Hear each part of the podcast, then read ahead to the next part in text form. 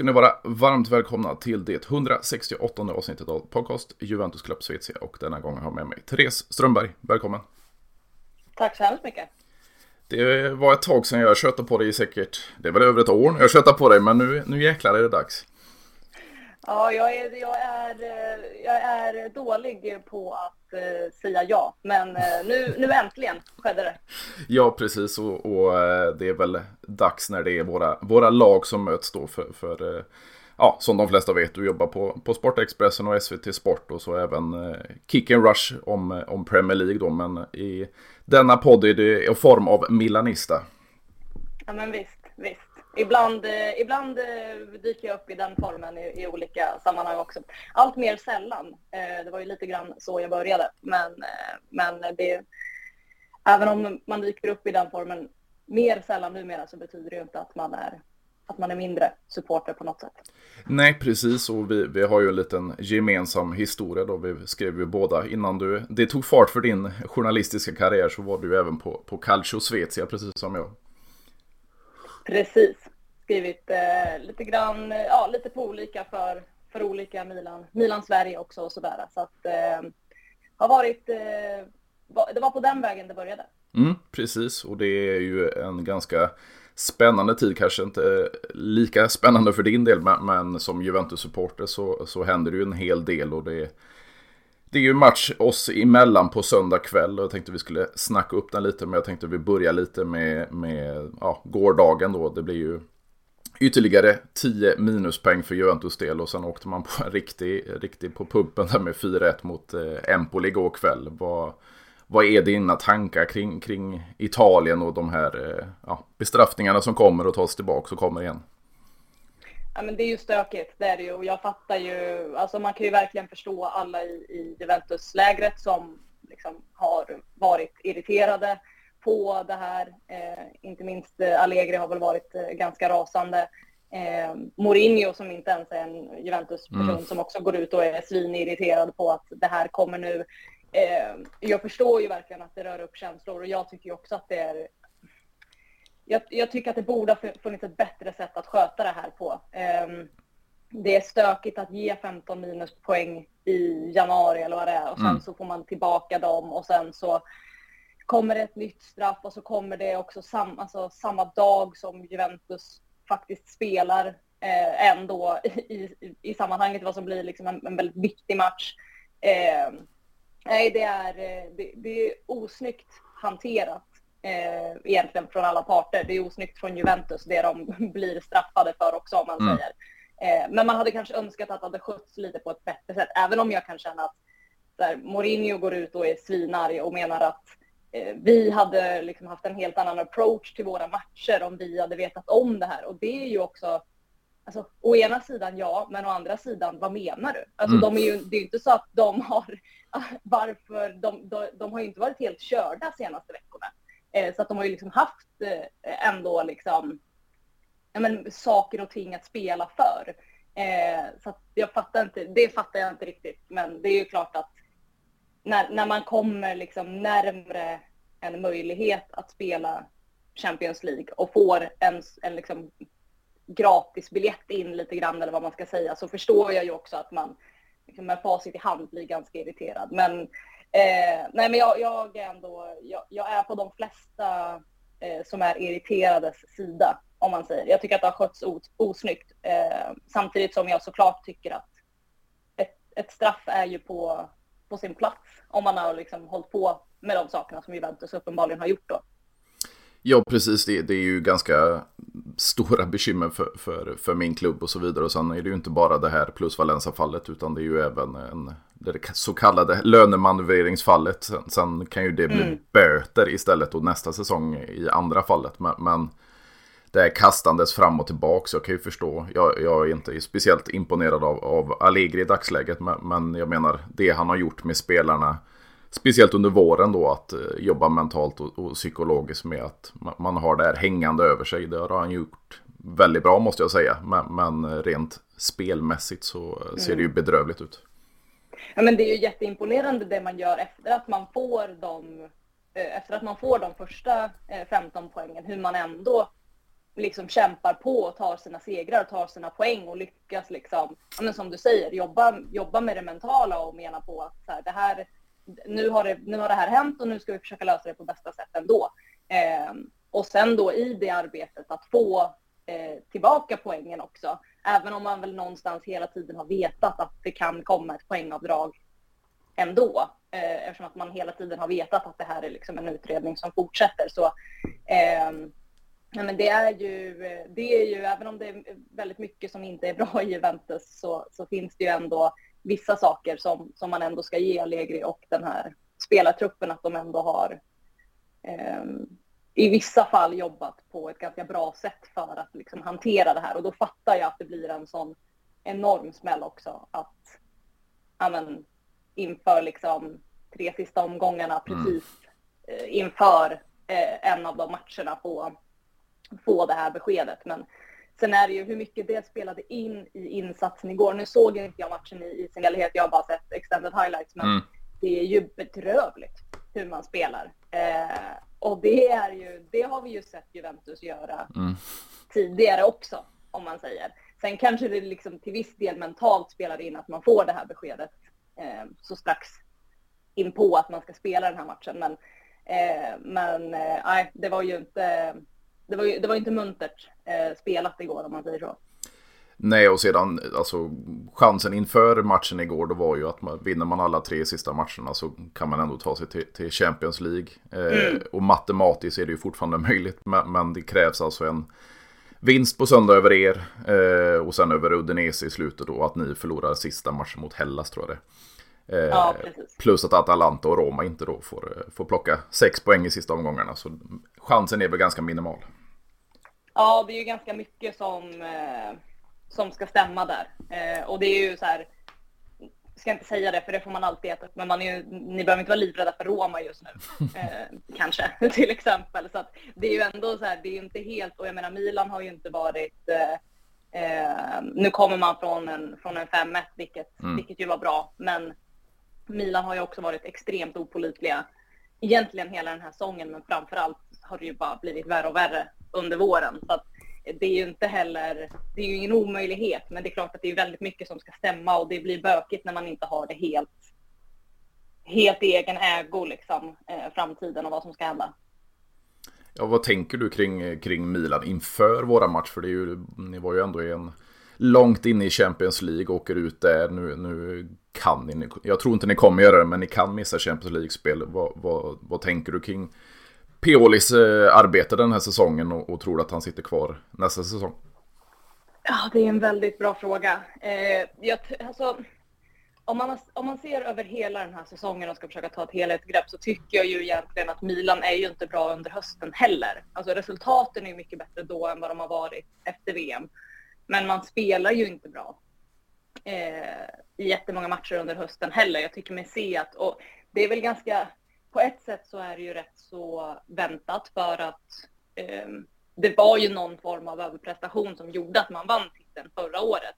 Eh, och det behöver inte vara, alltså jag tycker att alltid att det låter så väldigt negativt när man säger det. Alltså att det låter som att man säger att de här spelarna är skitdåliga egentligen och nu råkade de vara bra. Alltså, mm det krävs ju också saker och ting för att lyckas, om man säger då överprestera över en hel säsong. Eh, det kräver ju väldigt mycket och i att kunna göra det finns ju väldigt bra liksom, spelare, det är bra taktik, det är bra pannben. Allt det där finns ju där när man klarar av att ligga på en så pass liksom, förhållandevis hög nivå som ingen trodde att man riktigt hade i sig än eh, över en hel säsong. Eh, så att jag vill liksom inte ta ifrån vare sig spelarna eller Pioli eller, eller någon att man faktiskt vann den där titeln. Men det var väl kanske ganska väntat att man inte skulle vara på liksom den höga nivån genom en hel säsong till.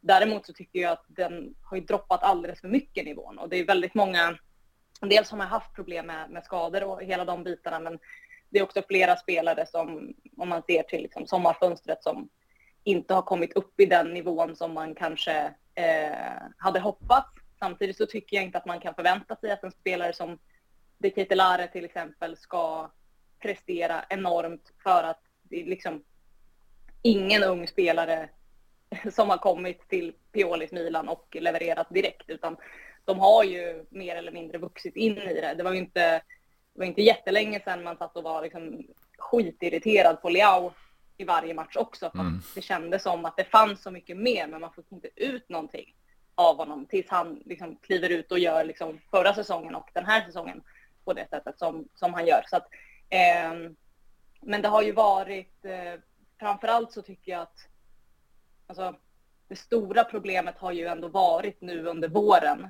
att det upplevs i alla fall som att man har prioriterat Champions League så väldigt mycket mer än vad man har prioriterat ligan. För mm. att det är Champions League de senaste eh, runderna som man ställde upp med sitt starkaste lag och liksom verkligen gick in för att göra eh, säsongens bästa match varje gång. Medan man liksom roterade bort sig fullständigt i ligan och, och gick och liksom kryssade och förlorade mot lag som man bara borde vinna mot.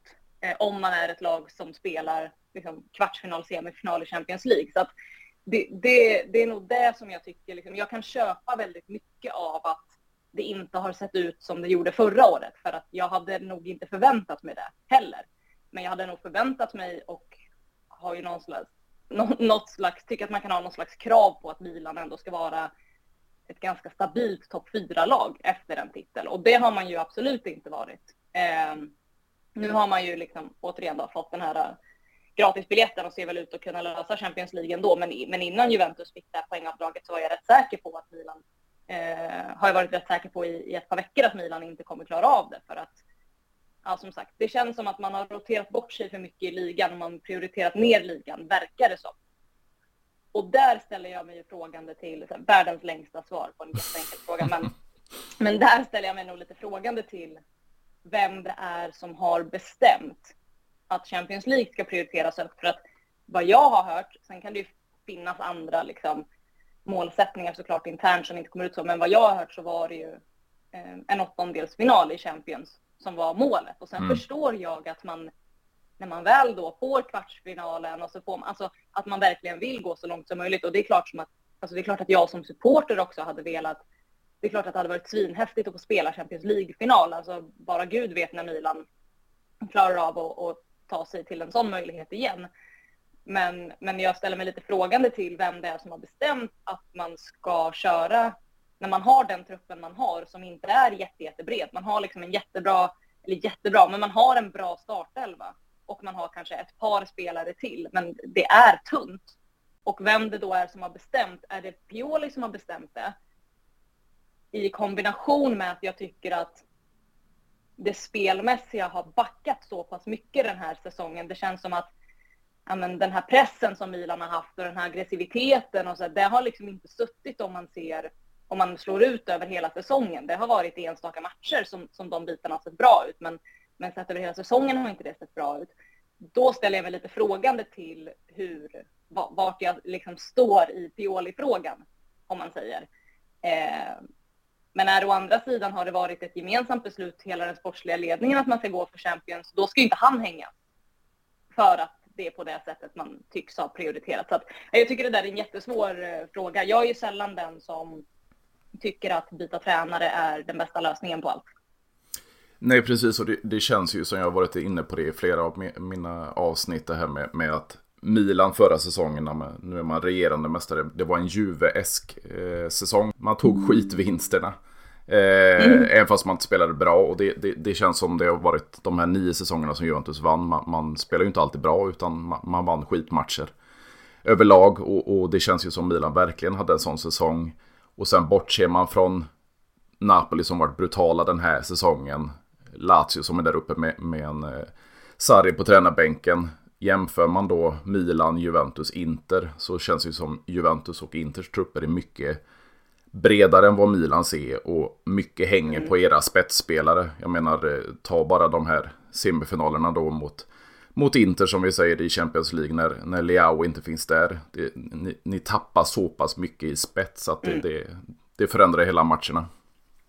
Ja men så är det verkligen. Alltså det, det hänger ju, och så har det ju varit väldigt mycket. Det är mycket som, som hänger på um, Giroud har ju varit den spelaren i vissa fall, klivit fram i en del derbyn och sådär och varit liksom den spelaren som gör den stora skillnaden framåt. Leao har ju varit det hela tiden.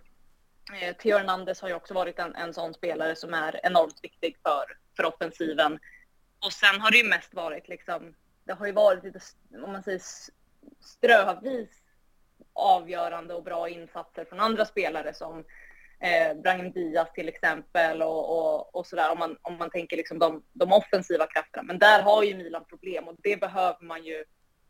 Det är ju någonting man behöver åtgärda till, till nästa säsong. Att den här truppen måste ju kunna, alltså när, alltså när Inter liksom kan byta in Lukaku i, ett, i liksom en Champions League-semifinal så sitter Milan och är så, ja, ska vi spela liksom Messias eller Sälen? Alltså mm. det är ju, det, det, är ju deppigt hur liksom, hur eh, eh, på något sätt att, att den här Champions League det är ju jätte, alltså det är såklart superbra gjort att man tar sig till, till semifinalen, men det, det, är också någonstans lite trist att man, att man gör en så bra Champions League-run en sån här säsong när truppen ser ut som den gör. För att hade man haft, liksom, hade man haft en till liksom, vettig anfallare, hade man haft kanske en, en annan, en, liksom, någon rimligare backup till Leao hade man haft en vettig högerytter så kanske hade, då kanske man hade klarat av det på ett helt annat sätt.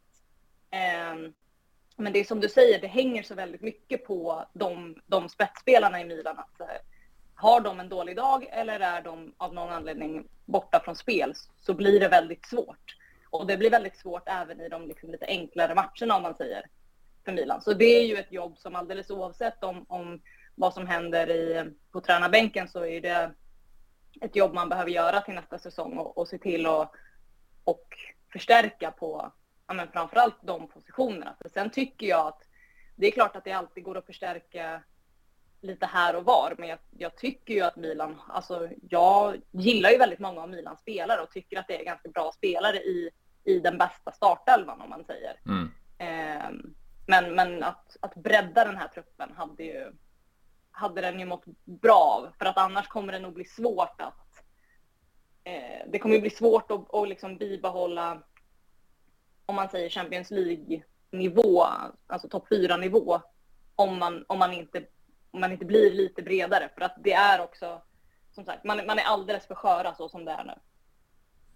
Och vad tänker du om vi tar det sports, sportsliga arbetet i klubben? Vi har ju då en, en, en Ricky Massara och en Paolo Maldini som, som mm. jobbar på marknaden. Det här med att ta in en klubbikon. Det talas ju väldigt mycket om, om Del Piero tillbaka till Juventus. Vi har en Chiellini när han väl lägger av då på, i, mm. i, i LA där och, och en, även en Buffon då som fortfarande spelar kvar i, i, i Parma. Eh, det här med att ta tillbaka då som ni gjorde med Maldini. Det var väl ganska snurrigt där när det var en, en Bobban också på, på eh, direktörsroll och så vidare. Men, men sen har du suttit ganska... Vad sällan, vad sällan det är stökigt med Bobban. Ja, precis, precis. Men sen har du suttit ganska väl med, med en Paolo Maldini. Vad, vad, vad tror du mm. krävs av en styrelse eller en ledning för att ja, plocka in en ikon och sätta den på rätt position? Alltså det är, det är ju svårt. Det är många klubbar som... Det är ju klubbar som lyckas med det, men det är många klubbar som misslyckas med det. Och Milan, det man var lite rädd för när man plockade in eh, Maldini då eh, till den rollen var ju...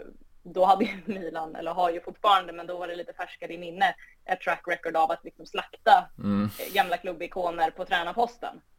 Eh, så att det, ur, det, ur det perspektivet så var det ju inte, kändes det ju inte helt rätt för att eh, liksom, man, man, kan bara liksom, plocka in och plocka bort så många legendarer innan, innan det börjar kännas väldigt, väldigt tungt och jobbigt.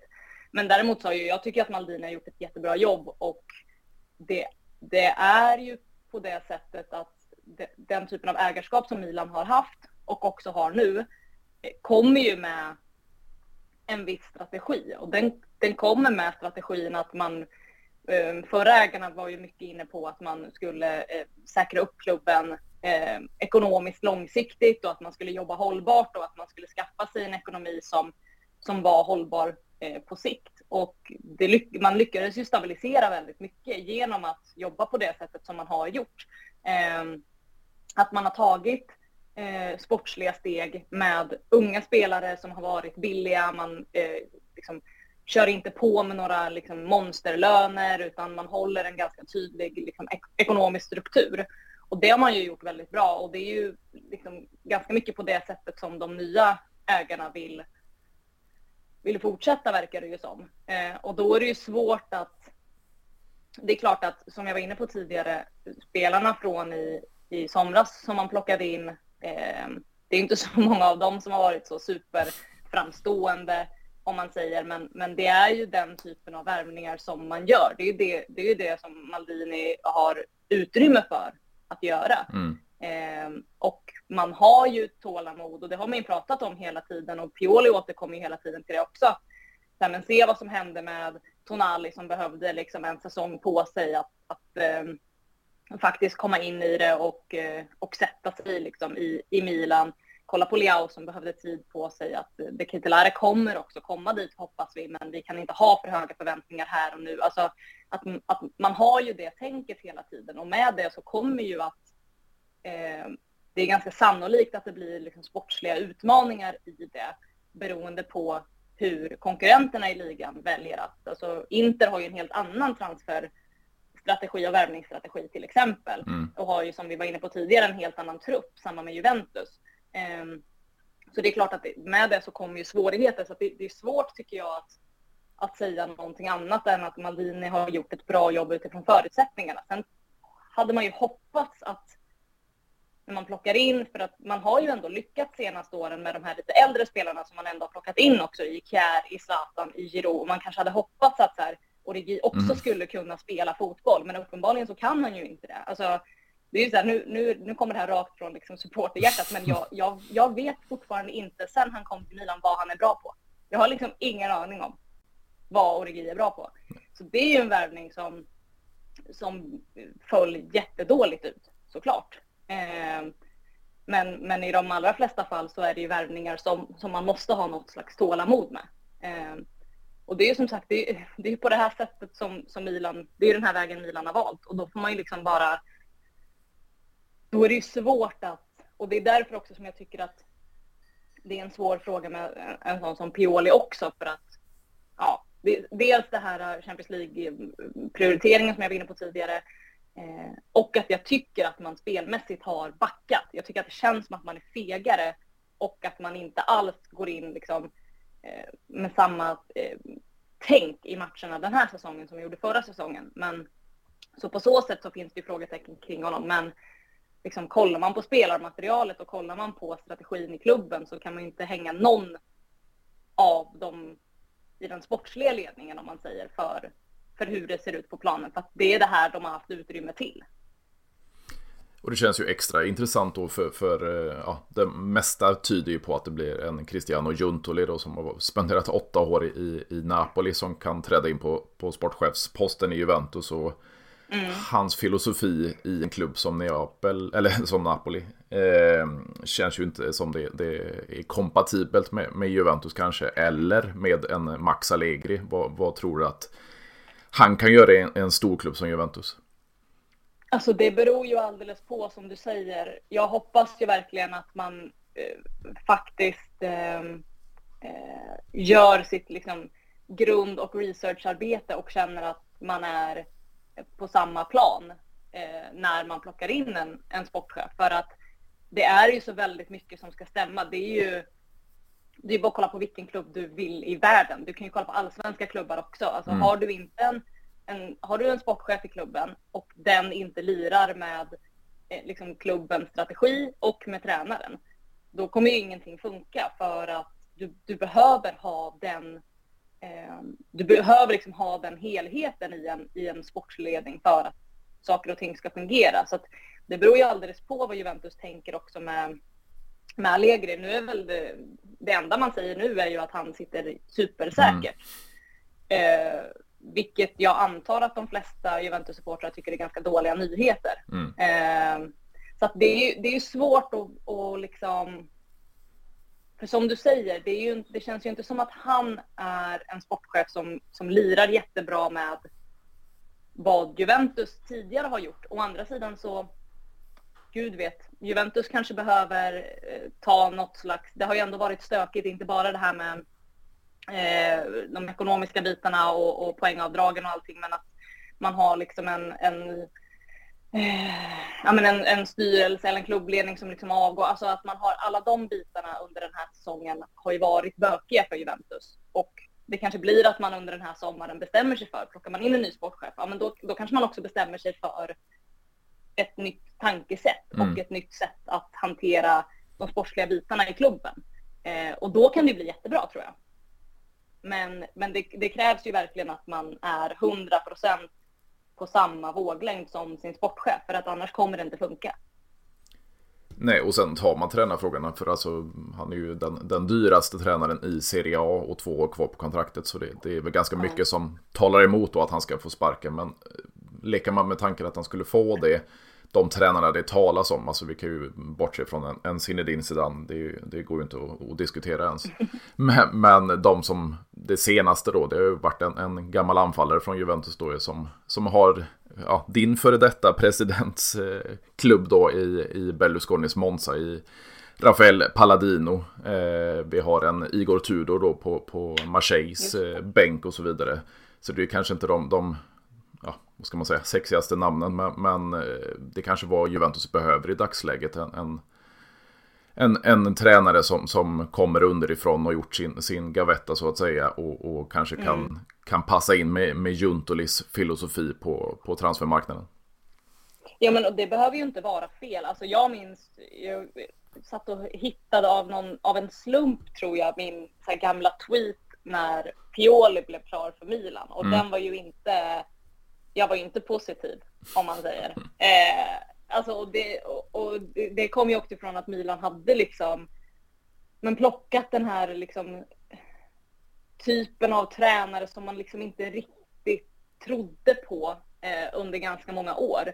Och det enda man satt och hoppades var ju så här, men plocka Allegri, plocka Conte, plocka någon som liksom har gjort någonting i sitt liv. Eh, men, men så kommer Pioli in och sen så gör han det han gör tillsammans med de värvningar han får in. Eh, det, har ju, det liksom går ju inte att säga någonting annat än att med liksom facit i hand så var ju Pioli och liksom Maldini och gänget var ju det bästa som kunde hända Milan där. Så att det behöver ju inte vara eh, någonting negativt att plocka en tränare som inte... Det blir ju liksom... Man blir så enkelspårig och både som liksom supporter men jag tycker också många men om man säger experter och, och, och pandits och så här blir så enkelspåriga i att ja, men vad har den här tränaren gjort för någonting? Eh, varför ska han in och ta, ja, men då, i det här fallet då, till exempel en stor klubb som Juventus som liksom behöver Juventus är ju i ett läge där man behöver komma tillbaka. Man behöver ju komma tillbaka till eh, det som man har varit rent liksom, resultat och prestationsmässigt.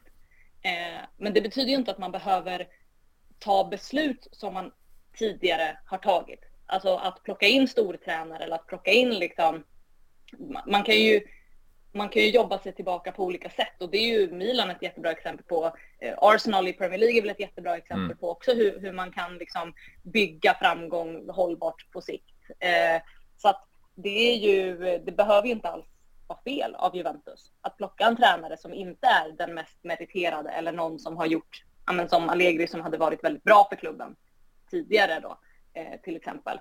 Eh, så att det tror jag inte alls, men jag tror som sagt, jag tror att alltså, den absoluta nyckeln oavsett vem det blir, vad det eventuellt blir för, för tränare och vad det blir för sportchef och så vidare, så, så behöver ju alla behöver ju dra åt samma håll och Juventus som, som klubb behöver ju bestämma sig för så här, vilken är vår väg för att bygga någonting som liksom tar oss tillbaka här.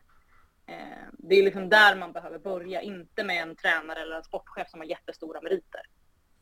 Nej, och det känns ju som, som framförallt Milan och Napoli i detta fallet har gått den vägen för både Pioli och, och Spalletti. De har ju varit i, i, i stora klubbar sen, sen, tidigare men inte tagit hem den eh, mm. ligatiteln. Men man gör det en säsong med Milan, man gör det en säsong med Napoli nu. Sen kanske inte det blir mm. någon, någon succé därefter, men, men de har även tragglat sig upp från, alltså hur länge sedan var det Berlusconi sålde Milan, hur länge sedan var det Moratti sålde Inter och så vidare. Ni har ju haft en mm. ganska lång tid med, med en tragglig väg på vägen och, och, och, bytt, som du sa, eller var inne på lite ikoner som, som eh, tränare och så vidare som, som har bränt sig och startat om. Eh, så, så, det känns ju som att Juventus inte behöver ta så lång tid på sig. Men om man gör rätt val nu så, så kommer det gå mycket smidigare eh, på kortare tid. Ja men precis. Och sen får vi väl se med Juventus också. Det, det, är ju, det blir ju ett ganska svårt läge när man liksom är mitt inne i en sån eh, men, jag brukar försöka dra mig för att använda ordet skandal, men mm. den, när man är inne i den här situationen som Juventus är så är inte den så jätteattraktiv eh, alltid för spelare och tränare och sportchefer och sådär eh, när man har de liksom, svarta rubrikerna runt sig. Och dessutom så finns det ju en, en, en, ganska rejäl risk att man inte, oavsett vad man presterar här på slutet, att man inte spelar någon Europaturnering nästa år i och med mm. att Uefa verkar ju ganska sugna på att stänga av Juventus. Precis. Eh, och då blir det också, då får man någonstans kanske eh, ja, men se sin, sin plats eh, där och då. Det tycker jag rent generellt att storklubbar är väldigt dåliga på. Att liksom se sin, sin för närvarande plats i näringskedjan. Mm. Att liksom känna att ja, men nu, vi är inte där vi har varit eh, och vi har de här problemen nu och då får vi jobba utifrån dem. Och nu kommer vi inte, om det blir så, spela någon Europaturnering. Eh, vi kommer inte ha det att locka med. Eh, vi kanske inte kan liksom betala ut de här eh, enorma lönerna som vi har gjort till vissa spelare under vissa perioder. Eh, då får vi bara liksom lugna ner oss lite och sen får vi se vart vi är och därifrån bestämmer vi oss för att jobba. Det är ju storklubbar i hela världens absolut största problem, att de har så himla svårt att liksom se sig själva i spegeln eh, på något sätt. Men det är ju en sån sak som Juventus verkligen kommer, kommer behöva göra nu över, över den här sommaren. Och man hoppas ju verkligen att de, att de gör det och att de gör det på rätt sätt. Eh, och bestämmer sig liksom att de, att de tar bra beslut för att kunna, nej det kanske inte blir nästa säsong man vinner titeln igen. Men tar man bara rätt beslut så kan man göra det om två år eller om tre år. Eh, och vara det laget som är liksom där uppe igen på det sättet. Jo men det är ju som du är inne på, man, man får ju anpassa sig till en ny kostym så att säga och, och gå igenom en lite stålbad. Sen är det ju intressant det här med att det är just 100 år i år i familjen Angelis eh, ägo. Och så händer allting mm. det här med, med att just Andrea Angelis stiger av eh, presidentposten och så vidare. Sen finns han ju kvar i, i ägarskapet så att säga. Och, och kusin John mm. Elkan då i Exor och så vidare. Men hur ser du på det här? För Angeli har ju ganska mycket flörtat då med, med den amerikanska marknaden. Med, med ja, loggan och, och eh, vad heter det, tröjor och så vidare. Och varit mycket på, på försäsongs turneringar där borta och så vidare. Eh, ni har en, en amerikansk hedgefond som ägare. Mm. Hur ser du på det här med i Italien då med inhemskt ägande när, när Juventus kvarstår med, med familjen Angeli medan Berlusconi då lämnade skutan så att säga? Det är ju, Italien är ett ganska speciellt land för att man har ju liksom hållit fast vid sina italienska ägare ändå. Man gjorde ju det ganska länge och man gjorde ju det rätt länge när ekonomin var på väg liksom åt, åt helvete mm. för i princip alla klubbar. Eh, sen har ju det blivit...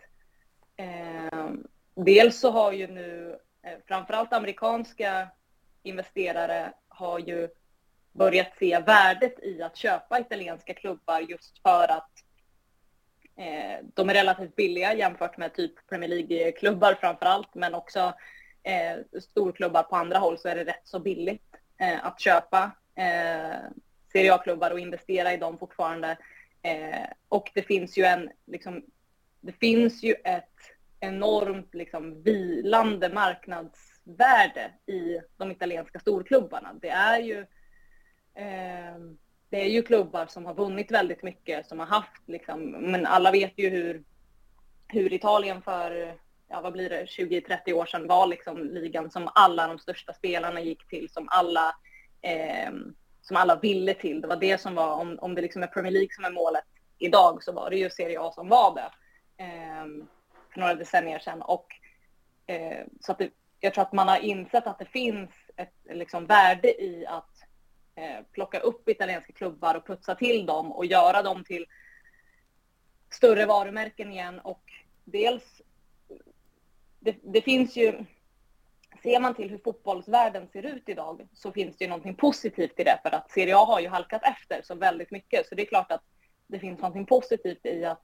att utländska ägare vill investera i de italienska klubbarna för att det är ju på det sättet, om man nu vill slåss med framförallt då Premier League, så är ju det ett av få sätt som man kan göra det på. Eh, det, det, kommer ju börja för klubbarna med ägandeskapsfrågan.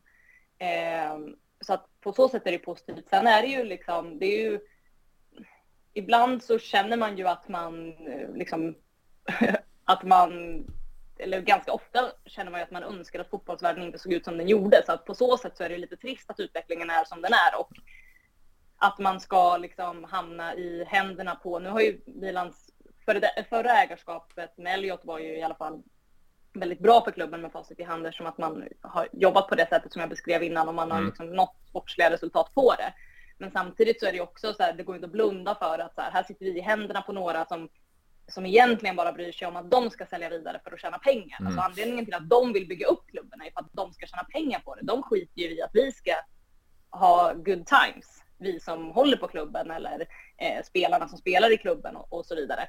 Det är ju inte deras liksom, primära fokus, vilket ju är jävligt trist. Men Juventus har ju ändå varit en klubb som, ja, men som du beskriver, de har ju gått lite grann i bräschen i Serie A för den här eh, kommersialiseringen och eh, liksom flörtandet med med utlandet. Så att, eh, det, man hade ju inte tyckt att det kändes konstigt om de inom kort eh, också fann sig i ett annat ägarskap, om man säger. Mm. Samtidigt som det är väldigt imponerande att, att de har klarat av att gjort eh, det de har gjort i den här liksom, fotbolls... Eh, eh, ja, så som fotbollsvärlden ser ut, att de har klarat av att göra det de, det de gjorde under så pass många år på 10-talet. Ja, för det är delat det där. Ja, för det känns ju ändå som, det, det kom ju, det var väl ett tag sedan nu, det kom ju lite uppgifter då att minoritetsägare från, från USA ville gå in i Juventus. Och det var ju allt från, var det Fedex och, och eh, allt vad mm. de heter där borta. Och sen har ju John Elkan då en vänskap till Jeff Bezos, eh, Amazon-ägaren där. Så, så det, mm. det kan ju komma amerikanska pengar in i klubben utan att sälja majoriteten så att säga också. Ja men absolut, och det kanske vore, alltså det, det är ju inte um det kanske vore det som, det ska inte jag uttala mig om, men det kanske vore det som Juventus-supportrar hade eh, gillat allra mest. För det, det, är klart att har man ett, ett liksom inhemskt ägarskap som man tycker fungerar så vill man ju gärna behålla det för att liksom behålla den här eh, för att behålla kärnan på något sätt i klubben och eh, liksom, klubbens hela liksom, syfte och grundpelare. Mm på något sätt. För att jag menar, det har ju varit så här, liksom, nej men det har ju varit deppiga tider när liksom, jag vet det var några år sedan så spelade ju så Milan och Inter spelade, det var ju något, eh, något derby för några år sedan i ligan som spelades 13.30 en lördag för att mm. det skulle passa den kinesiska tv-marknaden. Alltså, du vet sådana grejer, då blir man ju bara, då blir man ju helt, eh, det blir man ju bara rasande över. Eh,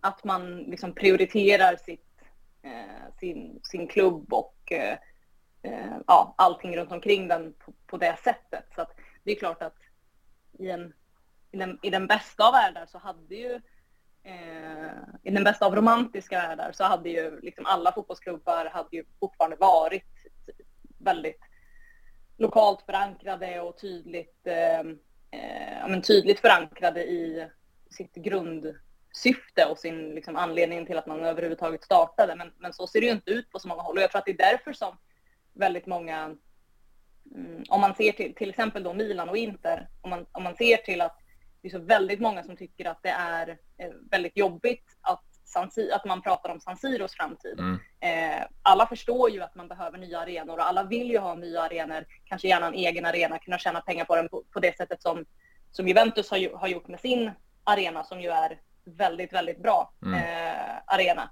Eh, den är helt fantastisk att, att vara på fotboll på. Eh, och eh, det förstår man ju, men samtidigt så det finns ju någon, någon slags, eh, om man säger, finns ju ett visst mått av det här att men det här är liksom, San Siro är ju det vi har kvar från vart vi började. Inte för att San Siro fanns när klubbarna grundades, men just att så här, den här arenan har man liksom Milan har ju spelat där sedan 20-talet och man har Eh, det, är liksom, det finns så mycket historia runt den och den är så väldigt liksom ikonisk i staden och, och det här som gör att klubben liksom fortfarande är väldigt, väldigt liksom lokalt förankrad. Sen hade ju nya arenor hade ju också byggts i stan och sådär. Men jag tror att så här, det, det, det är nog en, en väldigt stor del i att man har så väldigt svårt för att San Siro eventuellt ska rivas just för att man kommer så långt ifrån sitt grundsyfte hela tiden. Och där är ju det Juventus har, har kvar framför allt där är ju det italienska ägarskapet. Mm. Eh, om man ser till att som sagt de har ju varit ganska, ganska så eh, drivande i Italien. Som sagt får den här kommersialiseringsresan som ju tyvärr är nödvändig men också ganska tråkig. Ja, och det känns ju, alltså om man, man tar Angelis tid vid rodret då sedan 2010. Alltså, man byggde arenan som du är inne på, Allianz Stadium. Man byggde allting runt omkring med, med nya träningsanläggningar, högkvarter, hotell och allting som, som, som ligger där runt omkring. Eh, han startade damlag, han startade ett U23-lag som blev Next igen och så vidare. Så han gjorde extremt mycket bra grejer, framförallt under mm. sina första 9-10 år som, som president. Sen kom ju det här med att man byter loggan och ändrar på en, en viss identitet i det. Eh, mm. Tar bort de klassiska ränderna en säsong och så vidare. Man, man, han har gått lite snedsteg och sen kom ju Super League-projektet såklart. Eh, så det känns ju som hans tid i Juventus eller som, som president. Det har ju varit väldigt tvära kast de, de sista två, tre åren. Absolut, så är det ju.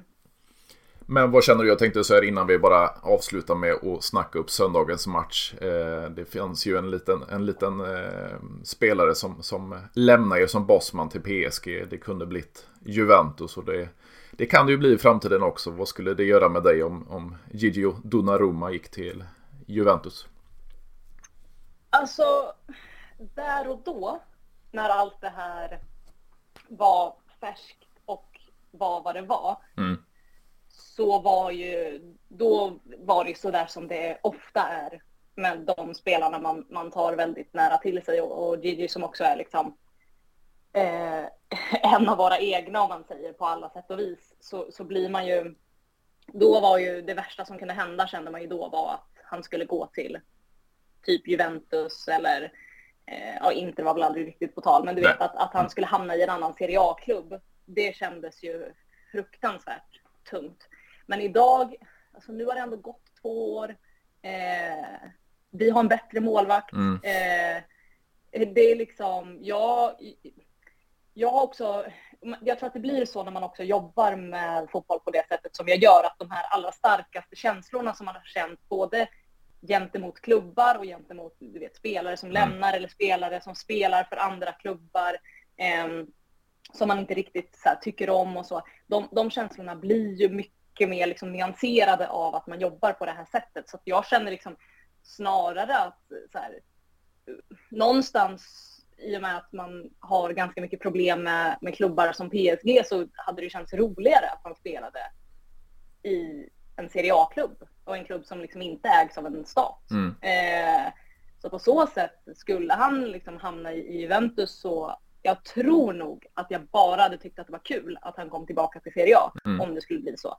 Däremot så hade man ju så här, i matcherna mot Juventus så hade man ju liksom, då hade man ju blivit rasande när han firar seger mot oss. Eller ja men du vet, så, mm. så hade det ju ändå funkat. Men, men det hade jag nog ändå känt att, att och det var också, det var ju en stökig story med Donnarumma och Milan redan egentligen från 2017 är det väl när han är på väg att lämna första gången hela den här härvan med eh, när de kastar pengar på honom mm. i U21-DM och, och eh, det är en massa strul där med Raiola och konstiga, jag har blivit hackad mina sociala medier och allt vad det var. Alltså du vet, det hade varit så mycket och han hade varit liksom med en fot ute så väldigt eh, liksom många gånger. Och sen eh, också gjort enormt mycket. Alltså under, under ett par säsonger där så var ju han liksom enda anledningen till att vi inte var ännu sämre än vad vi var. Eh, så att man har ju liksom haft lite så här delade känslor inför honom eh, ganska mycket. Så att det, det var ju, det var ändå, på, på något sätt så var det ju också skönt när han lämnade för att det var liksom oundvikligt. Att han skulle ju lämna någon gång, så då blev det att när han, när han väl lämnade så var det så här, okej okay, men då är vi av med det. Då, då behöver vi inte tänka något mer. eh, på att liksom älska honom den ena dagen och vara fullständigt rasande på honom den andra. Eh, så att, nej men jag hade nog tyckt att det var kul om han om han eh, hamnade i en i en klubb som eh, som sagt, som inte ägs av en stat och som inte fungerar riktigt på det sättet som, som PSG gör. Nej, och sen känns det ju som, alltså tar man rent historiskt, nu hade vi en, en Gigi Buffon väldigt länge, men jag menar första målvakten i Juventus är eh, nästan eh, samma sak som första målvakten i italienska landslaget. Det är ju inte riktigt samma mm. i, i varken Inter eller, eller Milan. Det har ju varit lite andra nationaliteter, brasilianer och lite sånt där. Så, så, så det känns ju som det är kompatibelt med just Juventus att ha Italiens nummer ett. Ja men absolut. Var, varför inte, känner jag. Ja, men det är skönt att höra. Men sen vet jag inte riktigt om jag vill ha han längre, men, men eh, det är en annan fråga. Eh, avslutningsvis då eh, med premissen då att det, det, är väl ganska kört för Juventus att ta en CL-plats eh, med två omgångar kvar. Och som du var inne på, Uefa kan ju även plocka bort den om man, om man nu skulle ta den platsen eller om man tar en Europa League-plats. Men, men, med två omgångar kvar, vi har Juventus och Milan på söndag. Vad, vad tror du kommer hända? Ja, det är ju en jättebra fråga. Eh, framförallt för att man aldrig vet vad som ska hända med Milan. Mm. Eh, man kan ju, jag menar, ja, insatsen i, i lördags var ju såklart hur bra som helst, men det är också mot ett avsågat lag som inte har någonting mer än liksom en heder som nog inte ens går att rädda kvar och spela för. Eh, och det var ju bra för Milan att man, att man fick liksom jobba upp det det självförtroendet och sådär som kommer med den typen av seger och att ja, men Leao fick vara igång igen och, och hela den biten var ju, den var ju bra. Men det gör ju inte att jag litar på att Milan gör en stark liksom, säsongsavslutning nu de två sista matcherna. För att det har varit alldeles för eh, ja, men alldeles för osäkert helt enkelt. Eh, samtidigt som Juventus är i ett läge där man gjorde den insatsen man gjorde mm. igår också ett ganska opolitligt lag. Eh, frågan är ju vad man lyckas... Det skulle ju kunna vara så att Juventus nu lyckas liksom uppbringa någon slags eh, eh mentalitet att okej, okay, vi fick det här beskedet, vi åkte på den här torsken. Eh, liksom att man, att man vänder sig inåt och är lite sådär, nu, nu, nu är allt emot oss. Vi kanske inte ens får spela liksom, Europaturneringar nästa år. Men nu ska vi liksom göra allt vi kan för att rent sportsligt göra den absolut bästa avslutningen vi bara kan. Och sen får vi, allt det här andra, det ligger inte i våra händer.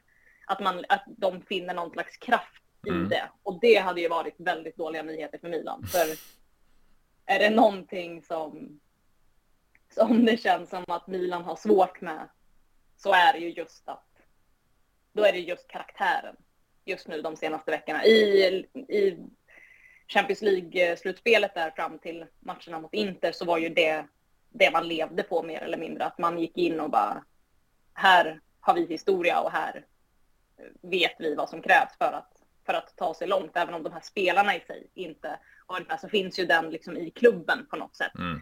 Eh, och att man lyckades vara extremt liksom, disciplinerade i eh, de matcherna man spelade för att ta sig till, till semifinalen. Men jag har inte riktigt sett det i jättemycket i ligaspelet eh, den här säsongen. Så att eh, nej, den är, eh, den är jättesvår. Jag, jag, vet, jag lutar lite åt att det känns som en så klassisk kryssmatch det här, men mm. jag vet inte. Jag tycker att den är jättesvår. Vad tror du?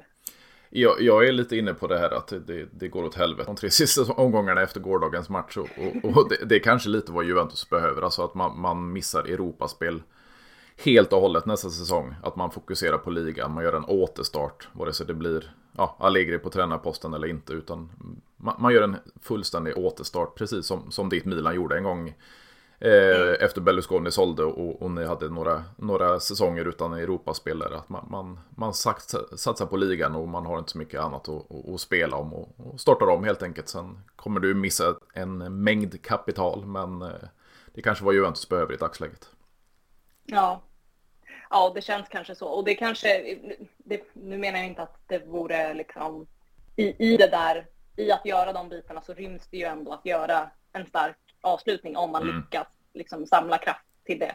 Och det behöver ju inte, så här, att göra en stark avslutning behöver ju inte liksom innebära att man inte gör eh, att man inte gör den här rebooten i sommar för att den tror jag att man är rätt så, eller jag hoppas i alla fall att man i, i, i, eh, i de bestämmande rummen är rätt så liksom inställd på att man behöver göra ändå sett till hur hela den här säsongen och egentligen hela förra säsongen också faktiskt såg ut. Eh, att, man, att, man liksom, att man behöver göra någonting ganska rejält. Så det hoppas jag att man gör alldeles oavsett hur, hur de här två sista matcherna går. Absolut. Och eh, stort tack Therese för att du tog dig tid att vara med i podden. Nu blev det lite längre än vad vi, vi hade tänkt så det, det är ju bra för min del. ja, det här är ingen fara för min del heller. Det var jättekul att, att vara med. Jag är som sagt dålig på att säga ja, men, eh, men det, var, det var kul att vi äntligen fick till det. Absolut, och, och som sagt, stort tack för att du ville vara med så eh, får du lycka till men inte för mycket på söndag. Ja, detsamma. Tack, tack. Ha det gött. Du med. Hej, hej.